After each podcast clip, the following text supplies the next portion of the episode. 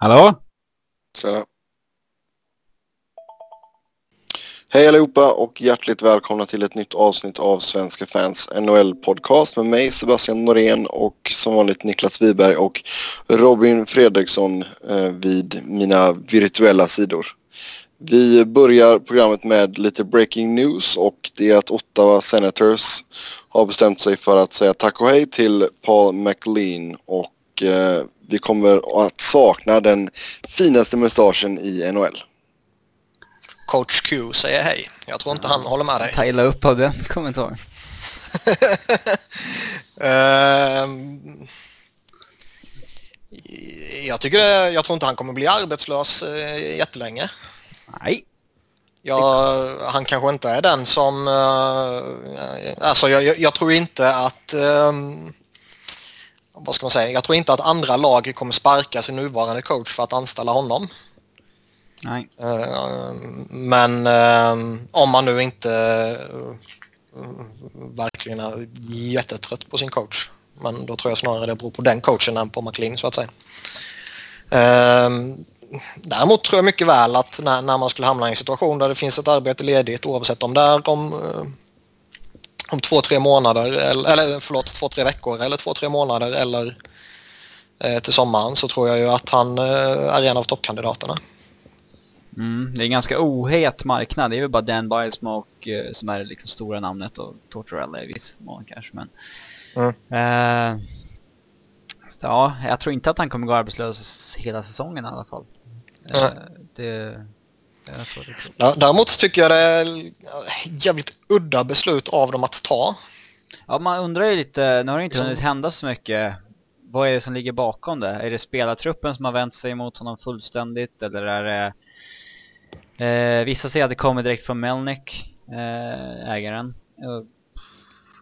Jag har svårt att se en så pass smart hockeykille som eh, Brian Murray, deras GM, ta ett sånt här beslut. Eh, så att jag tycker inte att det är liksom, jag tycker inte att han, han har förtjänat att få sparken på något sätt. Nej men alltså, det, alltså jag, jag, tycker tittar man på deras lag och deras trupp och, och vilka förutsättningar de har haft och alltså dels har de ju billigaste truppen i ligan. Mm. De har eh, tappat den ena stjärnan efter den andra. Eh, deras eh, efter Erik Karlsson bästa back har missat i princip hela säsongen. Eh, de har liksom ja, om man är snäll så har de väl en och en halv, kanske två offensiva ledare i laget liksom. Räknar du Erik Karlsson som offensiv ledare då? Nej. Uh, forward snackar jag alltså. Då är det typ Bobby Ryan och Kyle Towers liksom. Mm. Nej, de har absolut en väldigt svag trupp. Det har de ju. Eh, för de har ju inte... De har ju inte fått tillbaka så mycket för det de har tappat senaste åren. Det, Nej. Spetsa, det enda de har att visa upp för det just nu, det är väl Alex Chason. Uh, Alfredsson tappade ju en som free agent och Alltså Bobby Ryan har ju inte varit mycket bättre än vad Silverberg var när han var hos dem. Så att, uh, nej, nej. Sen har han spelat skadad och så vidare så det finns ja. fortfarande en viss... Uh, man bör väl ha mer tålamod med honom.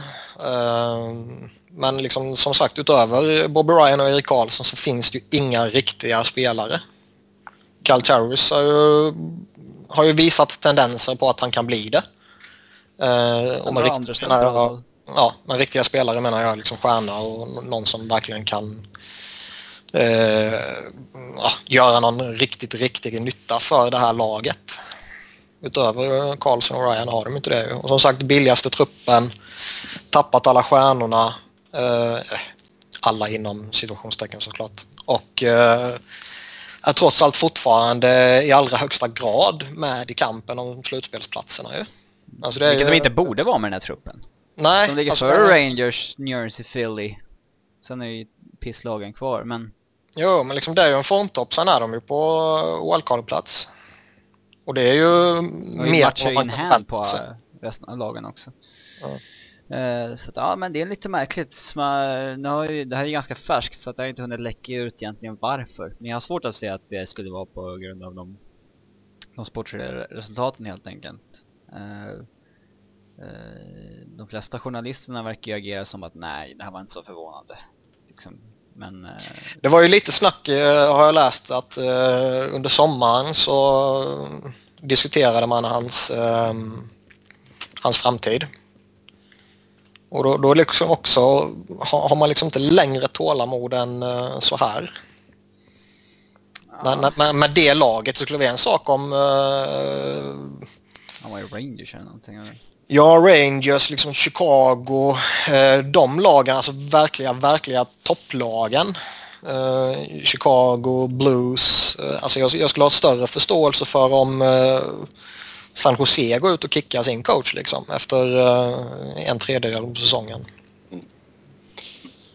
Ja, inför säsongen så var det väl inte så jättemycket snack om, alltså när vi tittade på vilka tränare som låg löst till att, att McLean var inte i toppskiktet där i alla fall.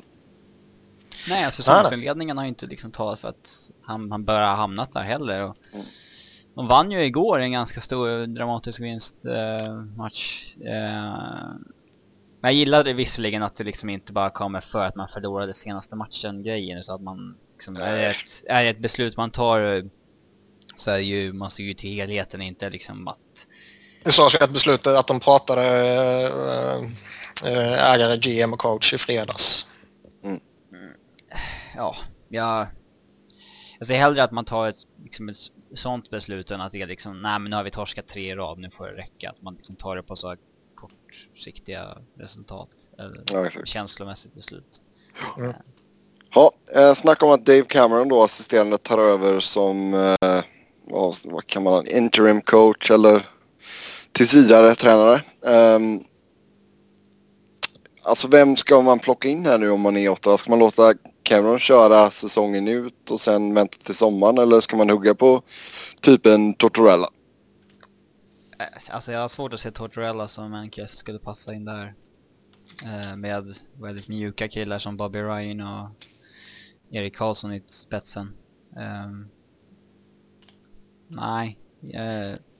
Man har ju Luke Richardson i Binghamton. Mm. Där han får rätt... Uh... Load, mycket load. Ja, precis.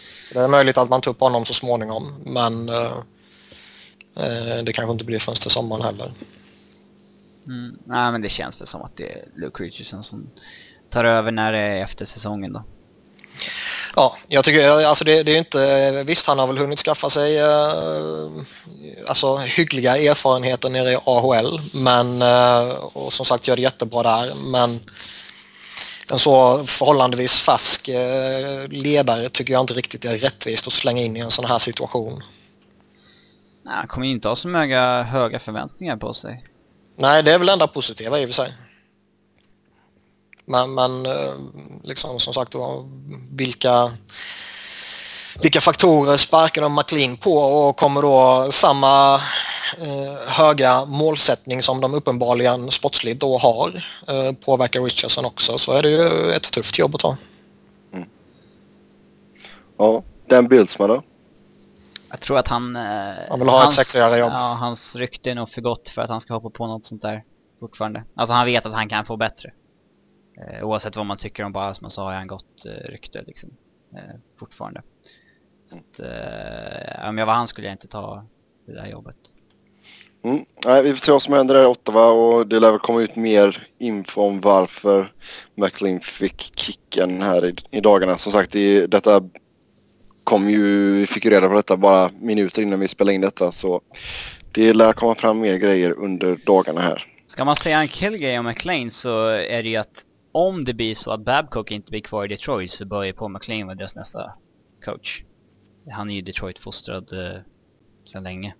Mm. Ja, vi får se. Vi ska prata mer om Detroit och Babcock lite senare i programmet. Men först så ska vi hoppa över till kontrakt, rykten och trades. Och eh, fick en trade häromdagen där Rob Klinkhammer och ett eh, conditional femterumsval i 2016 års draft går till Pittsburgh i utbyte mot Filip Samuelsson som då går till Arizona. Det var väl inte riktigt den där forwarden man förväntar sig att Penguins eh, skulle trada för. Det var inte riktigt den backen man trodde de skulle ge Alltså hade de gett upp en Derek Pouliot så hade ju inte en Robin Klinkhammer kommit in. Uh, men det är ändå Nej. aningen uh, märkligt. För att de har ju djupet redan. det här tyder ju snarare på att de ersätter djupet som de uh, kommer skicka upp istället. Liksom. Att de mm. tar in underifrån. Uh, det är lite märkligt kanske. Spontana första reaktionen var ju att de, liksom, att man liksom ger dem verkligen upp Samuelsson för honom. Men Samson har, han har tacklat av rätt mycket och rätt långt ner på deras depth chart så det är väl inte helt uh, orimligt heller.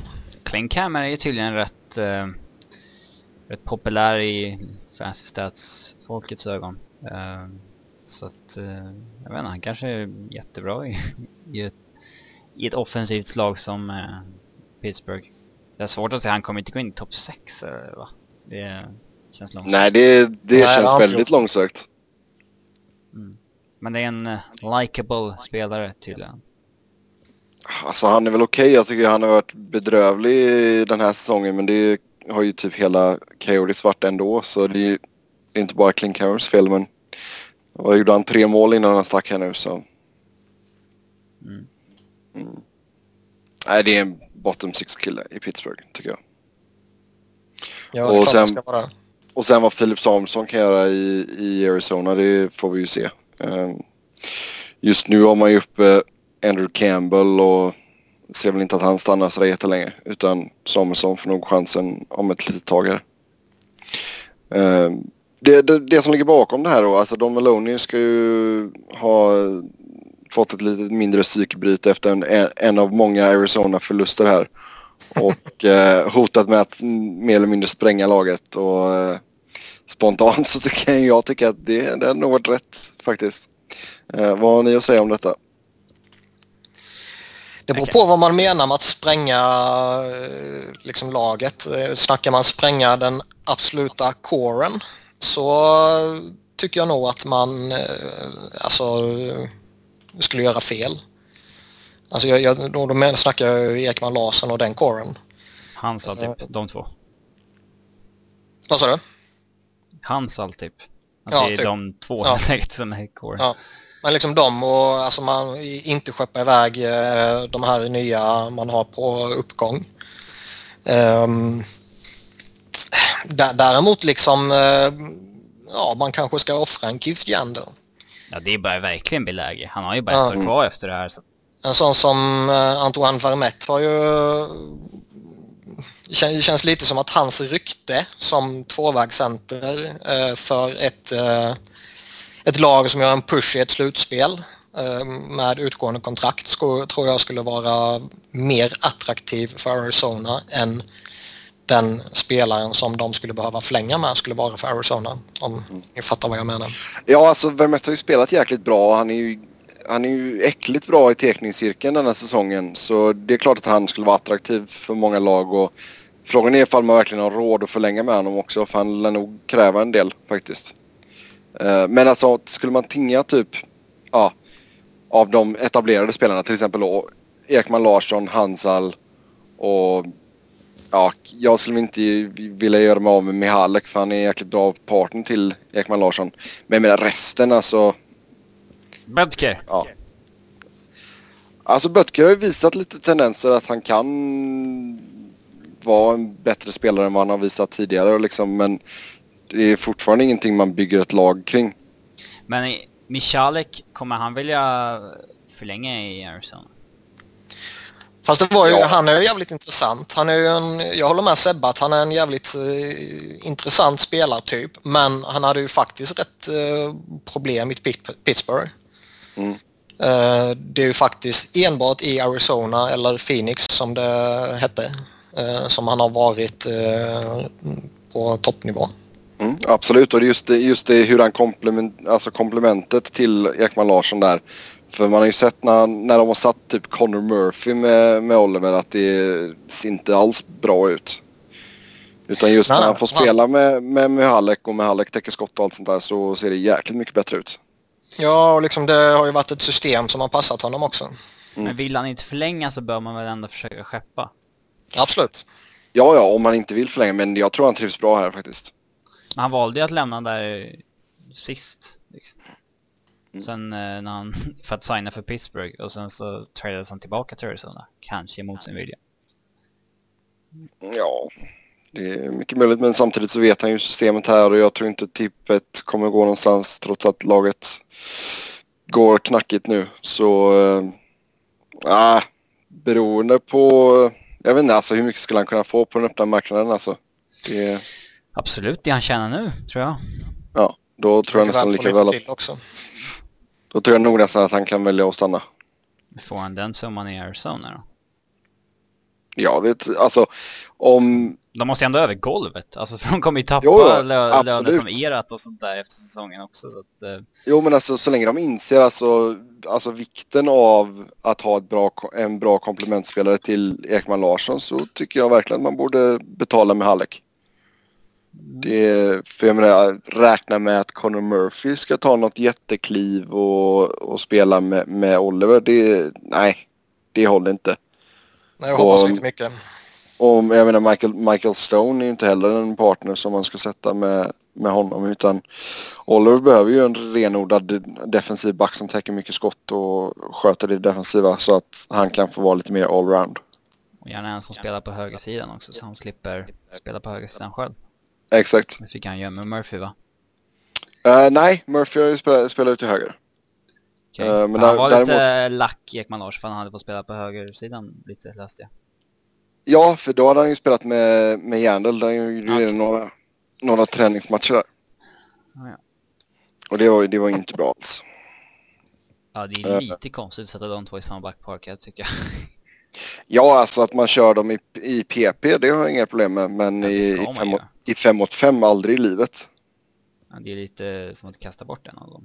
Kan man tycka. Mm, absolut. Fast, eh, det är också lite intressant det här uh, utbrottet som han fick. Uh, ja. Mm. Uh, inte Ekman Larsson.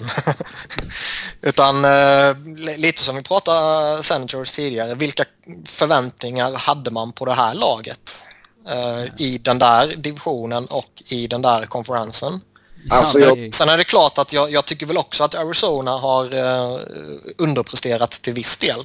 Mm. Men har de underpresterat så pass mycket så att det berättigar ett psykbryt i omklädningsrummet, hotar, tradar alla i hela laget i princip. Det, det, är ändå ett jävligt stort steg att ta. Ja, det är det absolut. Alltså, framförallt så har de ju varit jäkligt eh, ojämna. Och mycket kommer ju alltså, till målvaktsspelet. Jag tycker Mike Smith har ju varit bedrövlig rent ut sagt och det kommer ju också komma till senare i programmet när vi snackar målvakter. Men eh, det har inte varit någon kontinuitet. Man har kört Smith, sen har man kört lite Devin Dubnik och sen kör man Smith igen även fast Dubnik spelar bra och sen så ja, det är mycket fram och tillbaka. Det är, och det är alltså visst Dubnik har ju gjort det bra alltså ute efter sina förutsättningar om ska säga som backup och allt sånt där men man behöver ju en målvakt som står lite på huvudet och verkligen ger laget en chans att vinna för det är vi vet att detta är inget lag som gör fem mål framåt varje match liksom. Utan det, det är ju ett lag som ska kriga till sig poäng och... Ja, de har ju vinnat 2-1 liksom. Ja, exakt.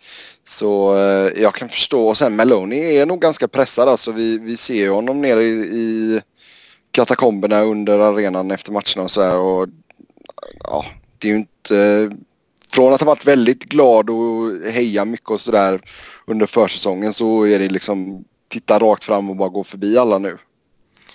Han, eh, han måste ju, till hans försvar ska man säga att han måste jobba under eh, svåra förutsättningar med, med tanke på ägarsituationen som nästan alltid har funnits mm, eh, den senaste tiden.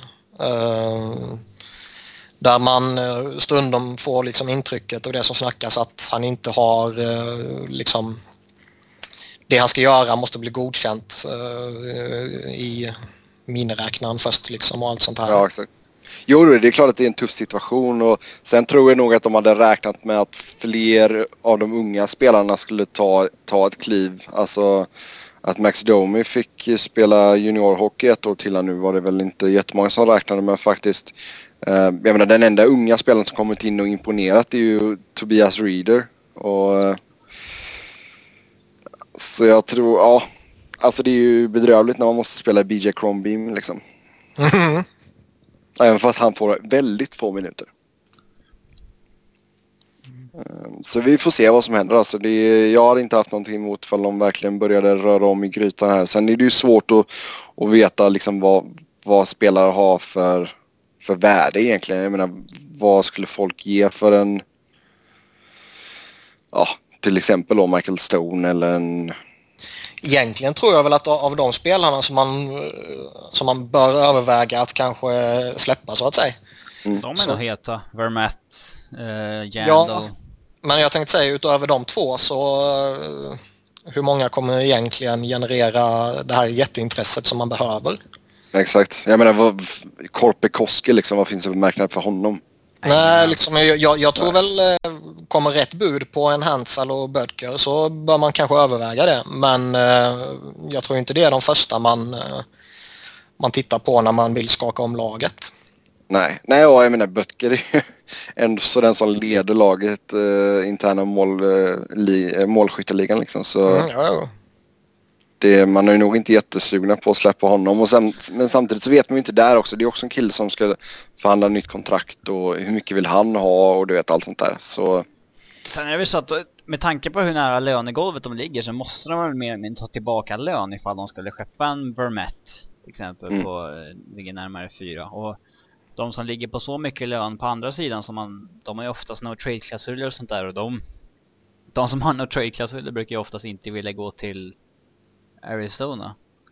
nej, det är ju det, är ju det som är lite grejen också där. Jag tror inte att ett lag som ligger i botten går efter Vermette direkt. Nej, det... Nej, det...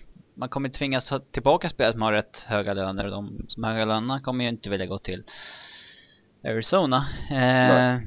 Ja, då får man göra två olika trader. mm, möjligt. Ja, det finns ju såna här cap dumps fortfarande liksom. Det är... Ja. RJ Umber är tillgänglig om du vill lö- ha lön. Mm. eh, ja, det finns ju ett par så här... Danny Det kan du säga till. Don Maloney. Mm, jag ska göra det. Nej men alltså, ja jag ska göra det. Uh, I have a friend in Sweden. He says you should get RJ Umberger. Um, då kommer han kolla på mig och säga, är du god i huvudet? Eh, nej men alltså vi får se vad som händer. Det är, på göteborgska ja, absolut. Don Malonis göteborgska är skitbra. Nej men jag tycker det är... Jag vet inte, sen säger det väl en del också att man går efter ännu en Samuelsson och den här förkärleken man verkar ha här med, med söner till före detta spelare. Det är, ja, vi får se vad som händer men att, att Filip Samuelsson är, är bättre än Andrew Campbell det har ju har ju no doubt in my mind. Så att Samuelsson snart kommer att få spela med de stora pojkarna det, det är nog bara en tidsfråga faktiskt. Vi lämnar Arizona där och eh, fast ändå inte riktigt utan vi ska prata en av deras gamla målvakter Ilja Brzgalov som är på tryout med Anaheim Ducks och eh, vad tror vi om eh, Briz? Kan han eh, hjälpa till eh, med Ducks här nu? Man har ju lite problem med skador på målvaktssidan. Första intrycket man fick var ju att det var eh, jävligt udda med tanke på att något av det första han säger är att ja, men jag behöver nog eh, tio dagar på mig innan jag är i matchform. Mm. Och då liksom, okej, men tio dagar, då är ju typ Gibson frisk igen. Eh, men sen kom det ut snack sen att ja, när, när Gibson är frisk och spelklar så kommer de dumpa honom till AHL och sen får han köra säsongen ut där för att för att, ja. Och då är det ju, hamnar man i en helt ny situation. Då är det inte alls fel att ta in Bruskalov om det är med den avsikten. Nej, det är ganska, alltså, ganska givet att Andersen är etta nu och sådär. Så det är klart man kanske inte vill ha Gibson på bänken. Ehm, han behöver ju spela liksom. Så då Ja, nej. skickar ni, skickar ni, ja, så skickar ni honom till AHL, det förstår jag. Och sen alltså Brusgalov eller La Barbara som backup, det, det är väl egentligen en toss-up liksom. Det, Nej, då tar jag hellre Bruskalov. Även om han är dum i huvudet och jävligt udda och inte alltid den mest populära i omklädningsrummet vad det verkar som. Så håller jag ju ändå honom som en bättre målvakt. Mm, ja, men jag tror att han kan bli rätt, uh, rätt floppig i Anaheim. De har ju inte direkt ett... De är ju topplag, men det är inte som att spela i andra topplag där de har ett, en försvarsmur som... Han skulle ju kunna gå in i Los Angeles och ha rätt bra siffror liksom, eller... Där, men i Anaheim kommer han ställas på prov på ett annat sätt än han hade gjort i andra topplag. Jag tror att det kan Mm. bli rätt, eh, rätt dåligt faktiskt. Kan gå rätt dåligt för honom. Ja, nej vi får se alltså. Som sagt, han har ju inte hållit igång sådär jättemycket verkar det som efter tryouten med eh, Minnesota. Så, Pappa eh, på fulltid säger han ju. ja. han- Jag såg, vad var det hans son hette? Han hette ju något sånt här galet ryskt. jag vet inte vad hans son heter. Ah, jag glömde vad det var. Ah, ja, skitsamma. Det var typ Vladimir eller någonting. Ja, det är jävligt galet. Det är väl inte jättekonstigt om man är ryss. Nej, det är som heter Bengt hemma liksom. Eh, Bengt är ju intresserad av vad Vladimir är väl topp fem i Ryssland eller någonting. Vad är namn? ja. Det är som Glenn i Göteborg. Det är som Glenn i Göteborg, exakt. Eh, nej, vi får se vad som händer där. Alltså, det är... Skillnaden mellan Labar och Bruskalov är just den att Bruskalov var ju det här ryktet om sig att kanske inte var en jättebra omklädningsrumkille medan LaBarbara alltid verkar ha varit en sån här riktigt god kille som alla gillar. Så... eh, Det, det, det är lite, jag måste säga det är en jävligt absurd situation att sitta här nu där jag eh, kritiserar La Barbara och eh, Sebbe försvarar honom. Ja. Ja, det är faktiskt... ja, det är fint det. Vänta bara tills, tills vi kommer till lite andra målvakter sen. Ehm, sen lite mer nyheter då. Anders Lindbäck nedskickad via waivers. Uh, Ja. Lindbäck har ju inte imponerat. Det var ju säga snällt. Det är Mm. fruktansvärt dålig målvakt den här säsongen. Ehm, Han har nog bränt sina chanser i... ja, man trodde att han, han, man trodde att han redan hade gjort det men så startade han så här att nej, det där, det måste vara det sista NHL-kontraktet han fick. Mm. Det, jag kan inte se något annat eh, med tanke Den, på den enda lilla förhoppningen som kan finnas där är om han går ner och gör det helt jävla galet bra i AHL. Mm. Eh, men han har öppnat, eh, ja, han släpp... Han hade ingen bra första match i AHL. Så att, eh, Nej, nej, nej, men en match är ju ingenting. ju. nej, Jag tror han är tillbaka i Europa inom kort. till nästa säsong i alla fall. Det, Mm. Och Mm. kommer aldrig mer sätta sin fot på nordamerikansk mark. Antagligen inte. På semester Åka kanske, På men- semester. Han bara, "Äh, ska vi dra till Dallas på semester pojkar? Ja. Jag menar, de, Färjestad var väl att spela mot uh, någon jävla AHL All-Stars för tidigare. så han- Man vet Mm. aldrig. Nu tycker jag du går händelserna i förväg här Robin. Ja. Sen eh, Damien Brunner, eh, New Jersey, också nedskickad via waivers. Eh, förvånande att ingen nappade på Brunner. Nej. Fast ändå lite förvånande tycker jag. Nej. Jag tycker han, jo, han har varit kass. Han, håll käften nu. han har varit kass i Devils tycker jag och har ju inte alls fungerat där. eh, får man väl ändå säga. Ehm, däremot så kändes det ändå som att hans rykte efter Detroit-tiden trots allt eh, kanske var så högt att man eh, skulle chansa på honom med tanke på att han har utgående kontrakt. Men man har tjänat för mycket. Det är det som är problemet. Jo, det är klart det är det. Var en två och en halv eller något sånt tror jag han har. Och det, det är många lag som inte ens har, eh, har det utrymmet ju. Nobbar man en Setoguchi så tar man inte en Brunner. Ja, och det beror på Brunner är en bättre spelare. Ja. Det vet fan. Jag funderar lite på om Pittsburgh skulle chansa på honom till Ja, exempel. det var väl den enda-. Det var ju den... Eh, den flytten såg man ju. Men då, där var ju ja, 2,5 problemet. Hade han haft Setoguchis lön som jag vet, vet inte vad den var, 700 000 eller vad det var. Så hade han ju eh, plockats upp av Pittsburgh direkt tror jag. Mm. Eller Ja, eller något annat lag. Sen eh, Jeremy Morin i Chicago sägs ha begärt en trade. Ja, det kan jag förstå. Han börjar ju komma upp i åren och får inte riktigt chansen på allvar så det är väl inte, inte jättekonstigt. Mm. Vad kan det finnas för marknad för Morin då? Mm. Ja, det finns ju alltid lag som är villiga att liksom ta in en ung forward. Eh, Han kommer hamna i Florida.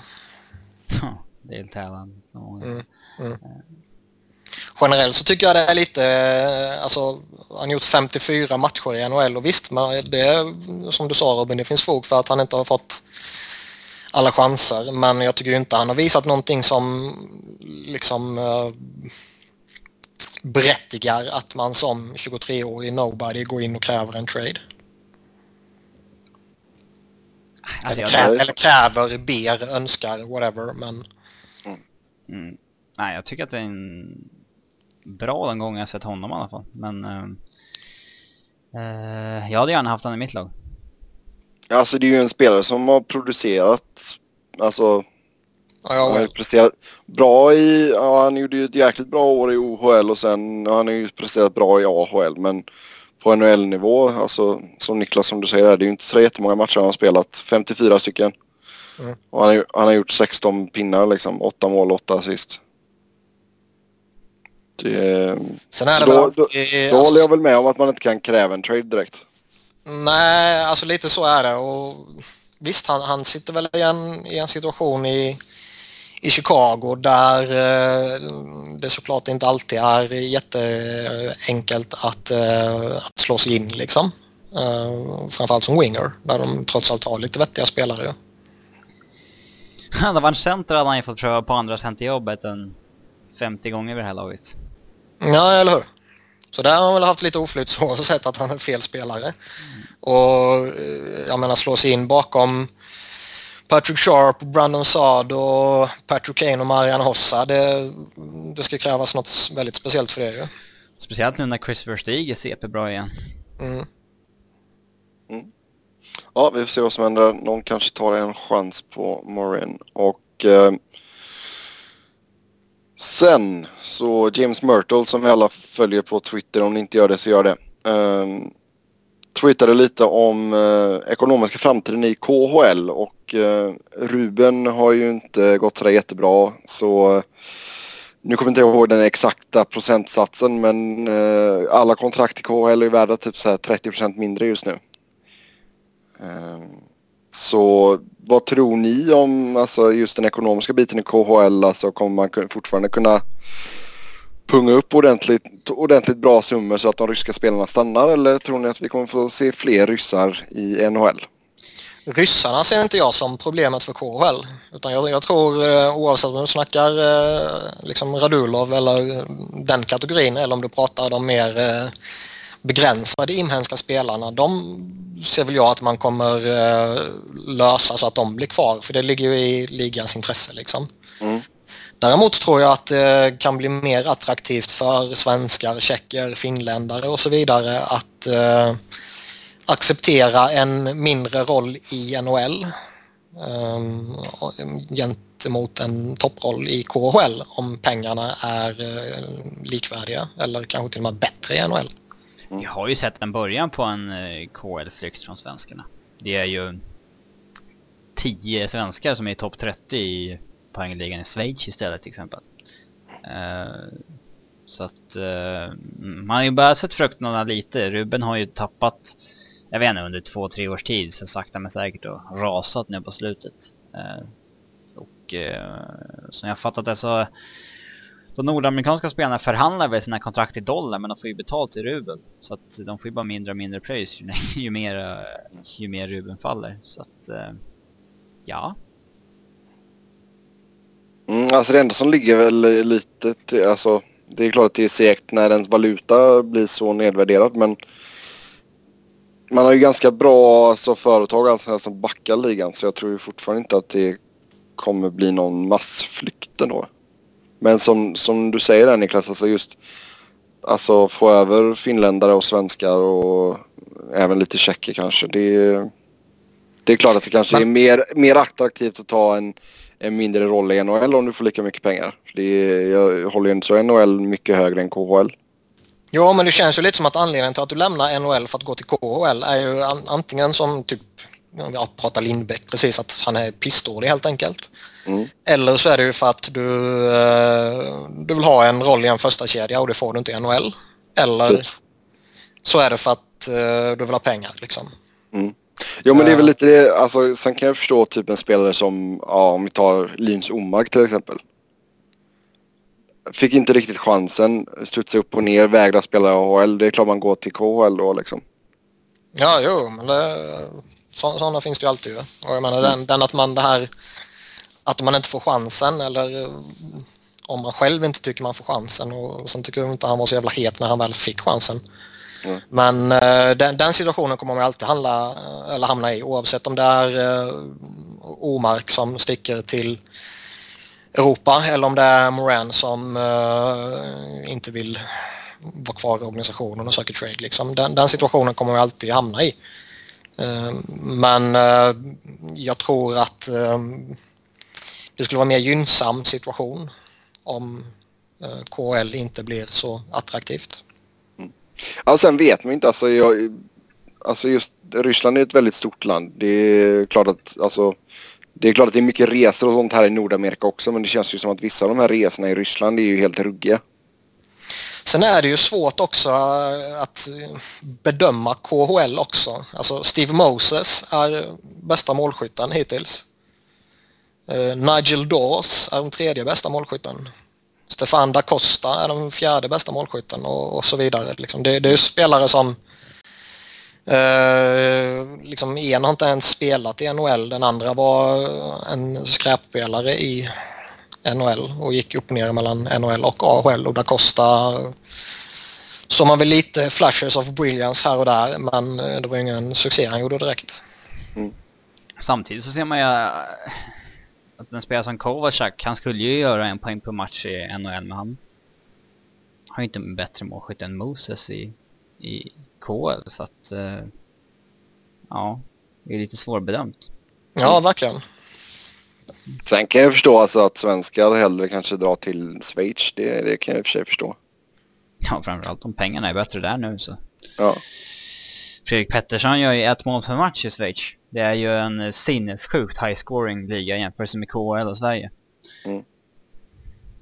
Mm. Ja, vi får se vad som händer där och det är klart att mycket hänger just på värdet av Ruben.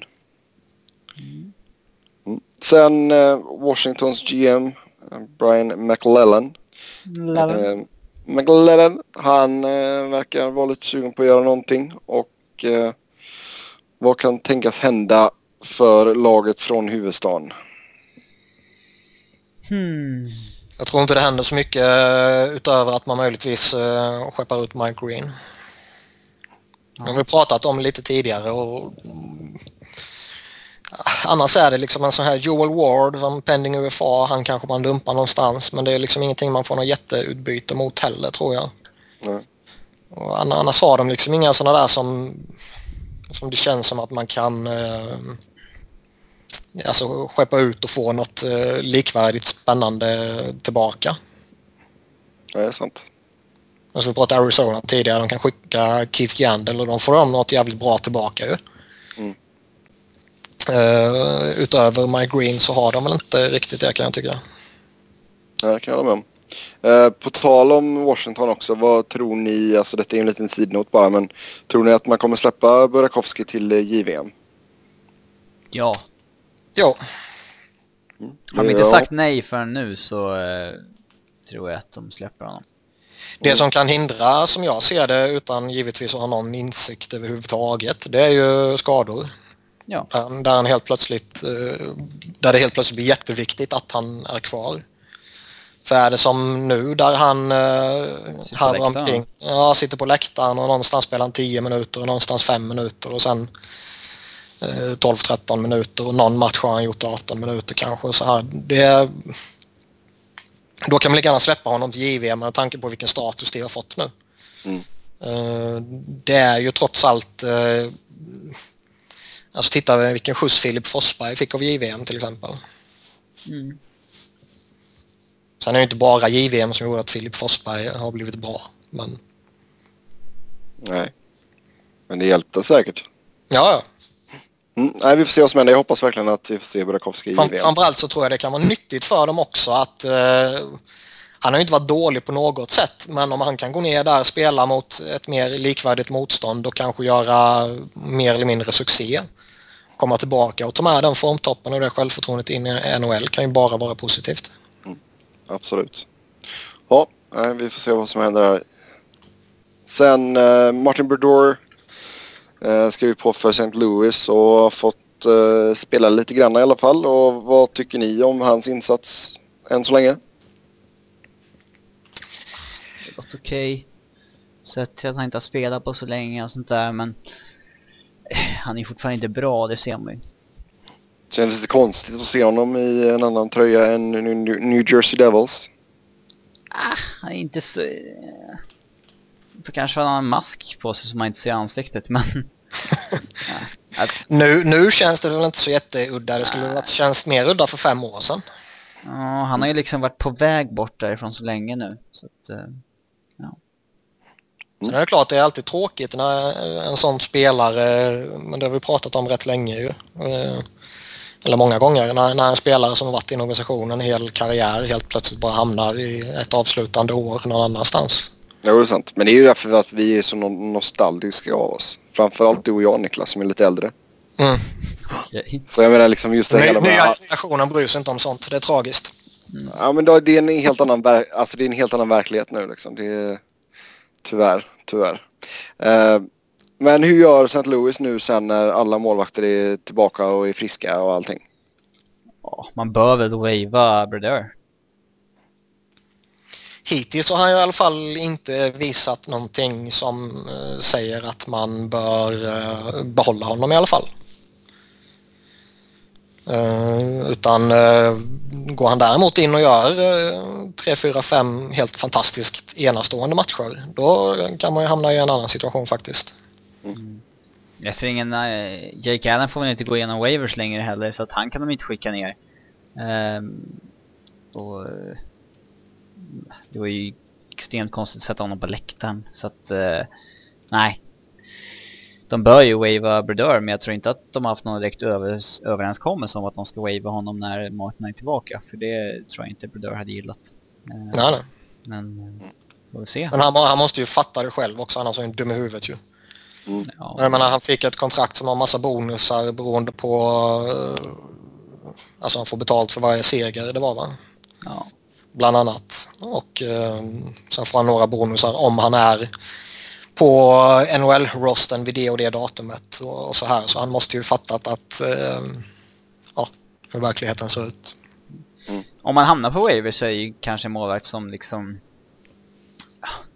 ja men lag som inte har så mycket annat att spela för liksom att det kan bli lite så här ja, happening PR-grej att ta in en brodör liksom Buffalo eller Edmonton eller något skit.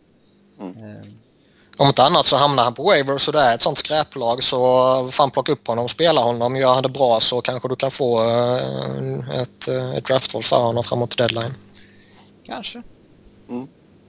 Ja, vi får se vad som händer.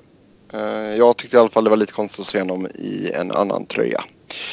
Vidare till avstängningar och Robert Bertuzzo, Pittsburgh, två matcher av interference på Jaromir Jagr. Den var väl inte jättevacker. Det var väl rätt tydligt att han var ute efter att poppa honom. Det får man inte göra. Nej, och den kommer rätt sent också. Ja, det är ju inte förrän han åker på. Jag tycker att det är svårt att dra gränsen för vad som är en liksom... Ja, det borde varit en tvåa interference, det borde varit en femma interference eller det borde vara avstängning interference. Det... Men det är ändå en, en rejäl kraft i den där tacklingen så att ja, jag kan köpa att det blir avstängning. Mm. Jag tycker det var rätt rimligt med två matcher. Yes. Det var den enda avstängningen. Sen har vi skador. Eric Brewer, fotskadad borta 4-6 veckor och... Eh, Sjukt kul. Sen, är, sen även Corey Perry knäskadad. Oklart hur, hur allvarligt han är, är skadad och hur länge han blir borta. Problem ja, för Anaheim? det är ju skoj när du tar in en halvdan avdankad eh, back Eh, som man nästan ändå får kalla honom numera. Eh, för att ersätta massa skador du har och sen gör han en och en halv match innan han blir skadad. Mm. Eller han har spelat två Ja, verkligen. Så det, det var väl lite bakslag givetvis. Ja. Sen är det väl klart att just själva... Att Eric Brewer är borta en månad är ju ingenting man ska gå och hänga sig för. Uh, anledningen till att det är lite problematiskt är ju för att de redan har uh, två andra duktiga backar skadade. Mm. Och Corey Perry då? Det är lite oklart hur det är med honom. Eh, jag har inte läst något annat mer än att han, han själv hoppas att det ska vara positivt. Eh, men om det innebär två veckor, det vet jag liksom inte. Eller om det spelar nästa match. Men, men det är väl alltid knäskada på en superstjärna är man väl alltid lite eh, lite, lite, vad heter det, orolig över. Ja, knäskador överhuvudtaget. Hemska grejer. Jo, Sen... men det är ju skitsamma om du får det på din trettonde forward. Det är ju Corey Perry ändå, han är ändå rätt bra. Jo, men om man tänker på människan menar jag. Det skiter jag i. Ja.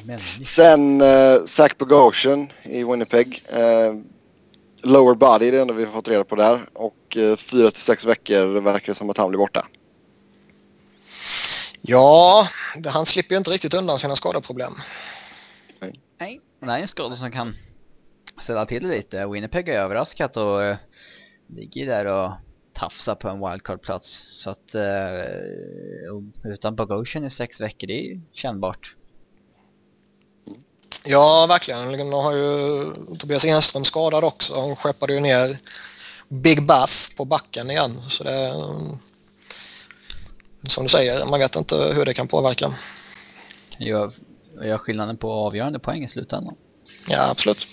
Mm. Det var skadorna det och eh, nu över till en eh, diskussionsämne här där vi ska ta och välja ligans värsta kontrakt. Och eh, vi har tagit ut några exempel. Eh, jag vet inte vad Niklas och Robin har valt men eh, vi ska ta och säga dem här nu och sen så ska vi diskutera lite. Vem vill eh, börja? Ska man köra alla fem eller ska man... Uh... Släng ut något namn här och där. Ja. Jag. Mm. jag kan börja med Mike Smith. Ja men det har han och jag också. Ja men. jag, var nära, jag var nära på att inte ta... Han är väl ligans sämsta första målvakt i dagsläget. Eh, så att... Han är absolut inte värd sina 5,66 men jag var ändå nära på att inte ha med honom för att det är ändå ett kontrakt som eh, det ställer inte till några problem för Arizona liksom. Det är inte... Det ställer ju till problem så tillvida att man är fast med honom i några år. Exakt, och man skulle kunna spendera, spendera de pengarna bättre. Det är ju det, det är där det ligger tycker jag. Men som du säger, en capita på 5 666 667 dollar. Mm. Och eh, lyfter 6 miljoner i lön i år och eh, Sen 6,5 de två kommande åren och sen är det 6 miljoner igen och sen är det 5 miljoner sista året. Så hans kontrakt går inte ut förrän efter säsongen 2018-2019. Och med de horribla siffrorna och spelet han har visat upp Alltså det är verkligen ett av de sämsta kontrakten. Så det var kul att vi var eniga här för en gångs skull. Mm. Ja, men känns han... att vi är eniga om minst ett till. Ja, men alltså grejen är att han fick ju betalt för den... En säsong? En säsong, exakt. Det... Han förlängde väl efter säsong två va? Eller förlängde han efter 11-12? Han, nej, han förlängde ju efter, alltså det var ju året efter uh, han hade den här jättebra säsongen som han förlängde. Uh, så han spelade ju jättebra och sen spelade han okej okay, och sen förlängde han. Så eh, fick betalt i efterhand och det har ju även vissa andra spelare fått. Eh, tänker på Dustin, Dustin Brown till exempel. Det är intressant med eh, Arizonas målsituation där med Dubnek är ju liksom... Han är bättre. Ja, han är ju en eh, väldigt atletisk och stor målvakt och gillar ju Sean Burke där, målvaktstränaren. Det kan ju bli eh, mm, en intressant situation att följa. Jag tycker absolut att Dubnik har spelat bättre. Sen hade han lite svårt nu mot Boston häromdagen men... Eh, ja, en match hit och dit. Exakt. Det, han fick lämna buren efter fyra insläppta där men det är absolut att Devin Dubnik har varit den bättre av de två än så länge och att man... Jag och många med mig tycker att man borde köra på Dubnik nu. Ja, framförallt gå till en situation där man spelar liksom inte Dubnik var femte match, eller lite mer, eller 50-50 i alla fall. Ja, men jag tror att alltså 50-50 tror jag inte gör no, någon av dem något, något gott liksom. Utan kör på Dubnik nu så länge han håller liksom. Sen spelar han dassigt två, tre matcher på raken. Ja visst kommer man gå över till Smith igen då liksom. Men det... Mike Smith sitter på ett av ligans värsta kontrakt kan vi i alla fall konstatera. Och eh, bra val där Niklas. Eh, jag, kastar ut, jag tar och kastar ut nästa här och det känns ju ganska självklart att David Clarkson ska vara med på en sån här lista. Mm. Föga förvånande kan jag väl säga att både jag och Niklas är med honom också, säkert. Mm. Uh, ja, det är inte så mycket att säga om det här kontraktet, alla vet vad det är. Att det är liksom ja, ren, det är bedrövligt. skit. Det... Det, det man kan säga är att han har, han har inte berättigat det på något sätt denna säsongen, men han har gjort det till ett lite mindre problem denna säsongen. Mm. Mm.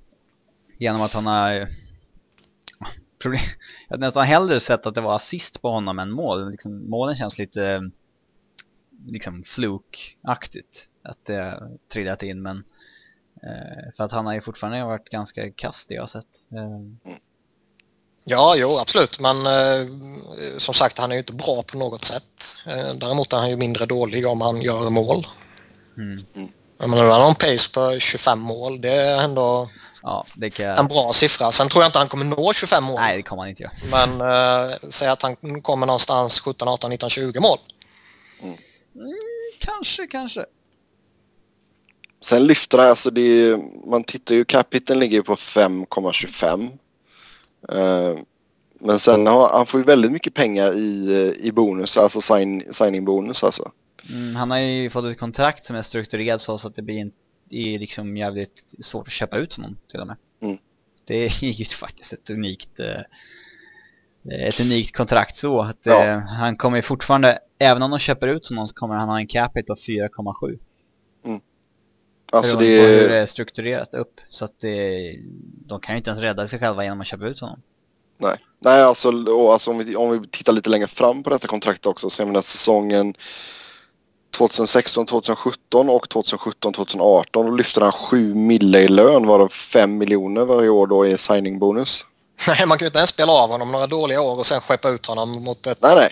Liksom där han tjänar lite men har en hög capita så är det ju alltid något jävla skitlag som kan tänkas vara intresserade ju. Men nu är det ju jättejobbigt. Det, det är liksom, fantastiskt ja. Visst, det är ju en grej när det är en liksom, elitspelare som Shea Webber, liksom att det blir mycket där då med signing-bonusarna för honom. Han lyfter ju galet mycket pengar liksom. Ja, men ja. Det, dels är det ju Philadelphias fel eller förtjänst, hur man nu ska se på det. Och ehm, sen han ju, alltså visst det är klart att det är svårt att, att liksom säga att en spelare är värd 13 miljoner eller vad nu är han fick i signing bonus men uh, Webber är en så elit. Uh, David Clarkson är skräp. Inte elit. Nej. Um, så ja, Dave Clarkson var ett till namn där. Um, Robin, vill du slänga ut ett namn? Uh, Andrew McDonald. Mm. Han var inte med på min lista. Nej, jag har, inte, jag har med honom uh, på min shortlist. Det vill säga när jag rabblar upp massa kontrakt som uh, jag kände att de kan, man, kan vara aktuella. Typ, alltså när jag mm. plockade typ 20 stycken, då har jag med honom. Men topp 5 tror jag inte jag skulle sätta honom. Nej, det skulle jag göra. För jag tycker att det är en back för ett sista backpar helt enkelt. Han tjänar som att han ska spela i ett, kanske ett första backpar och framförallt i sex år till. Det, mm.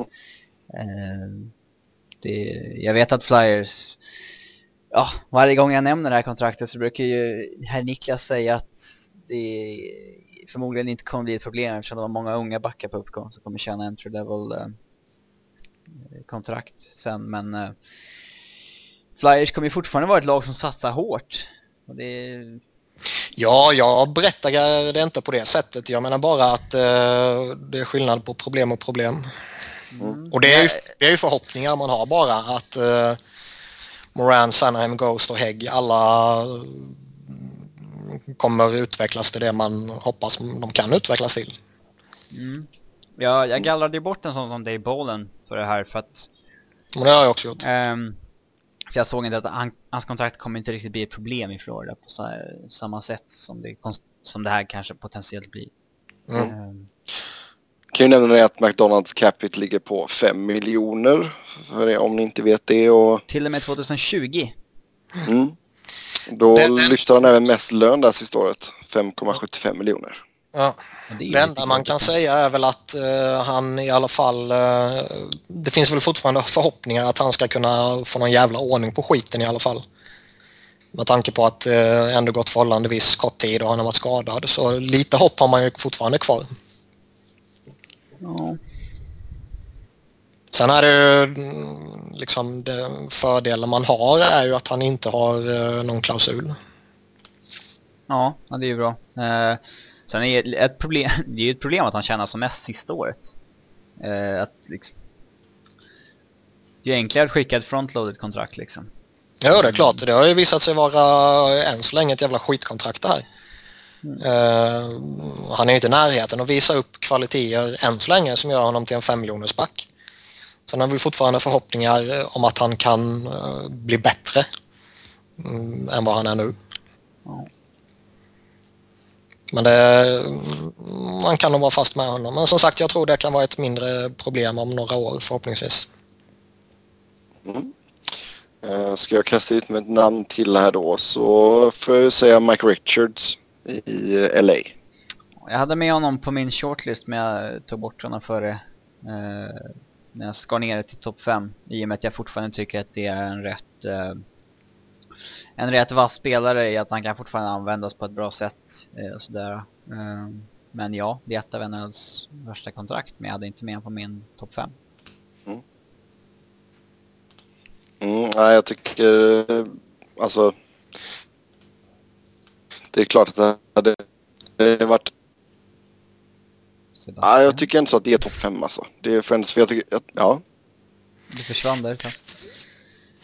Ja, jag skulle väl säga att jag, jag skulle nog ha Mike Richards eh, på det här kontraktet före eh, en hel del andra kontrakt. Du sa ju att du var villig att byta Richards mot Le Cavalier till exempel. Ja, Eh, kanske lite annorlunda nu när linjen flaggat för att han kanske slutar. Så. Fast nu har han flaggat för att det inte alls var sant. Ja, vad bra. så det, jag vet fan, han var trollar med oss. Idiot i alla fall. Ja.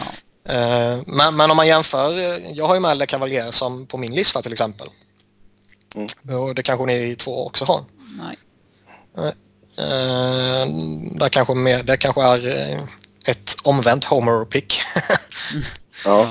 Uh, men jämför man Richards och Cavalier som jag sa om det var förra eller förra, förra veckan, det kommer jag inte ihåg. Men jag tar ju hellre Mike Richards för även om han är sämre och även om kontraktet är problematiskt och även om han är överbetald och så vidare så kan han fortfarande bidra med någonting. Och det är fortfarande en spelare som du kan sätta i, uh, i en mer undanskymd roll där han fortfarande kommer göra nytta.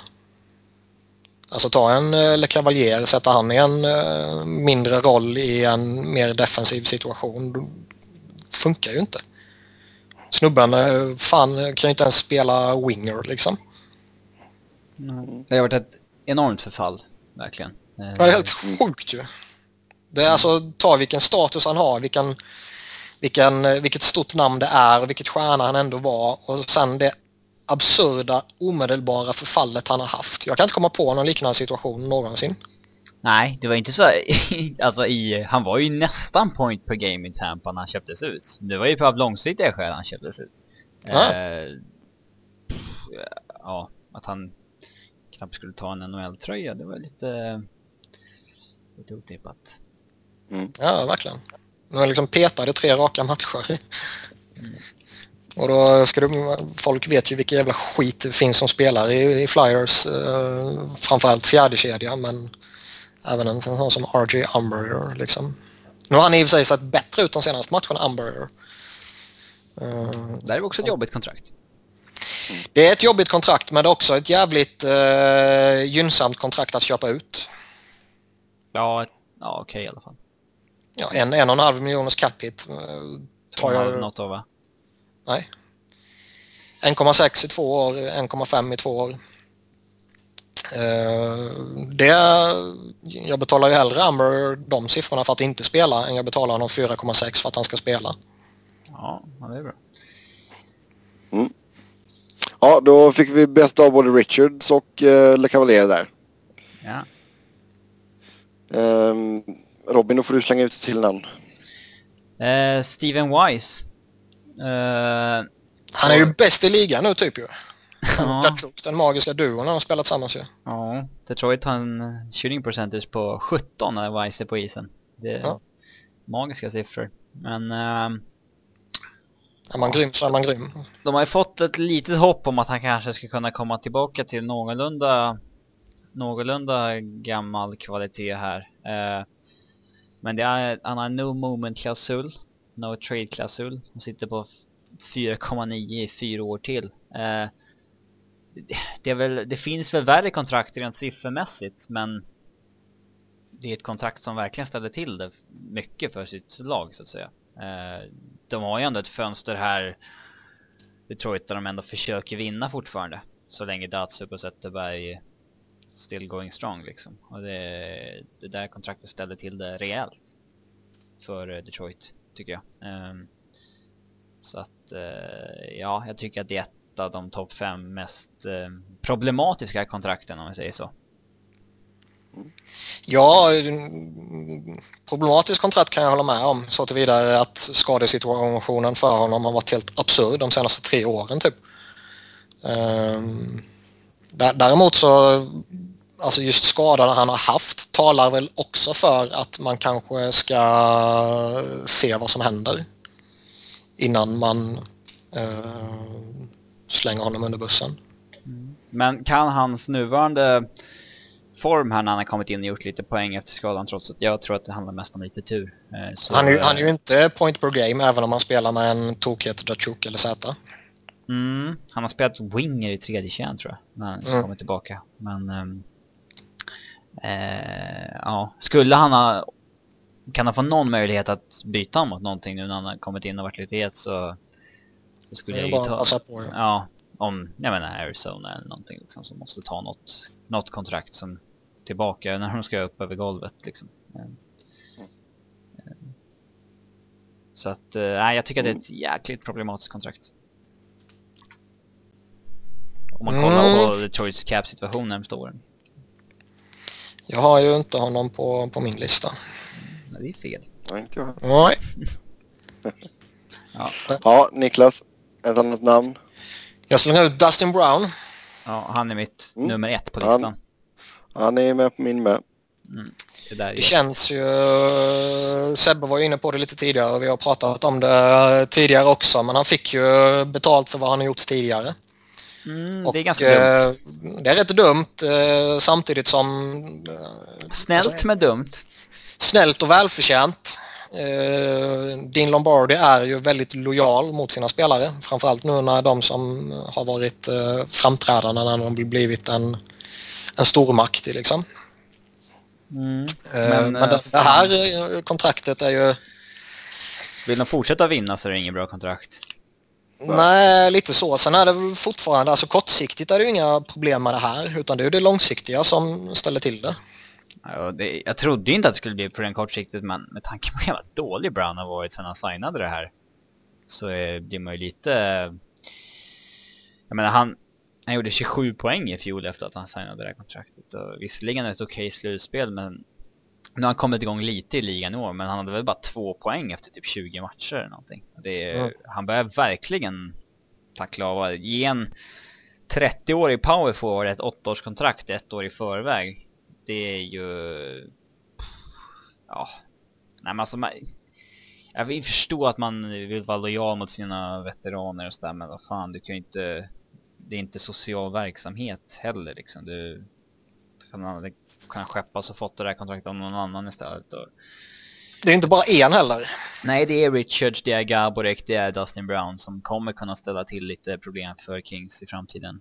Eh, framförallt nu när de ska resigna Kopitar och sådär också som inte kommer stanna på 6,8. Eh, nej. Så att, eh, nej, de har satt sig en liten sits där, där de kanske inte kommer kunna vara ett powerhouse så länge till.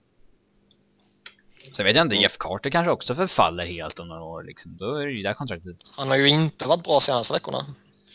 Nej, vi ska men prata, han har ju varit. Vi ska prata LA lite senare så vi behöver inte blåsa av allting nu kanske. Nej. Mm, nej men Dustin Brown, jag håller med. Och uh, som vi sa tidigare där, han har ju fått betalt i efterhand tyvärr. Mm. Mitt sista namn på listan är faktiskt Mikko Koivu. Intressant. Mm. Eh, jag tycker att det är en eh. jäkligt överskattad spelare, men eh, det är... Ja. Alltså jag tycker hans capita, den ligger på 6,75. Den är ju alldeles för hög. sen lyfter han ju ganska duktigt med lön också. Sista året lyfte han över 9. Sista året lyfte han ni, nästan 9,2 miljoner. Mm. Varav ja, drygt 3,8 är i bo, signing bonus liksom. Så Nej, det är riktigt bedrövligt faktiskt. Och sen sitter han väl på en no movement klausul också. Ja. jag, jag hade faktiskt inte koll på sista året att det var upp liksom varannat Nej, år dyrt och varannat år relativt billigt. Det hade jag faktiskt ingen koll på. Jäkligt konstigt kontraktstrukturen mm. på det.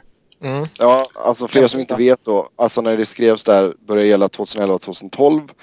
Det, nu listar jag bara av hans lön här. 7,3, 5,4, 7,3, 5,4, 7,3, 5,4 och sen 9,2. Och han har signingbonusar alla de dyra åren också. Ja. Det borde vara tvärtom tycker man. Även. Det är på grund av skatt. Nej, jag vet inte fasen vad det kan vara bero på faktiskt. Det är väldigt konstigt. ja, det var, ja, det har jag faktiskt inte sett innan. Ja, Mikko Koi var ju mitt sista val där. Ja. Jag skulle väl slänga upp eh, en annan Minnesota-spelare faktiskt. Zach Parise? Nej, Kyle Broadside som tjänar 5 miljoner. Mm. Nej, Zach Parise faktiskt. Ehm, de kontrakten som de skrev med Parise och Suter var ju lite smågalna ehm, redan när de skrevs. Uh, Ryan Suter ser jag väl som ett mindre problem.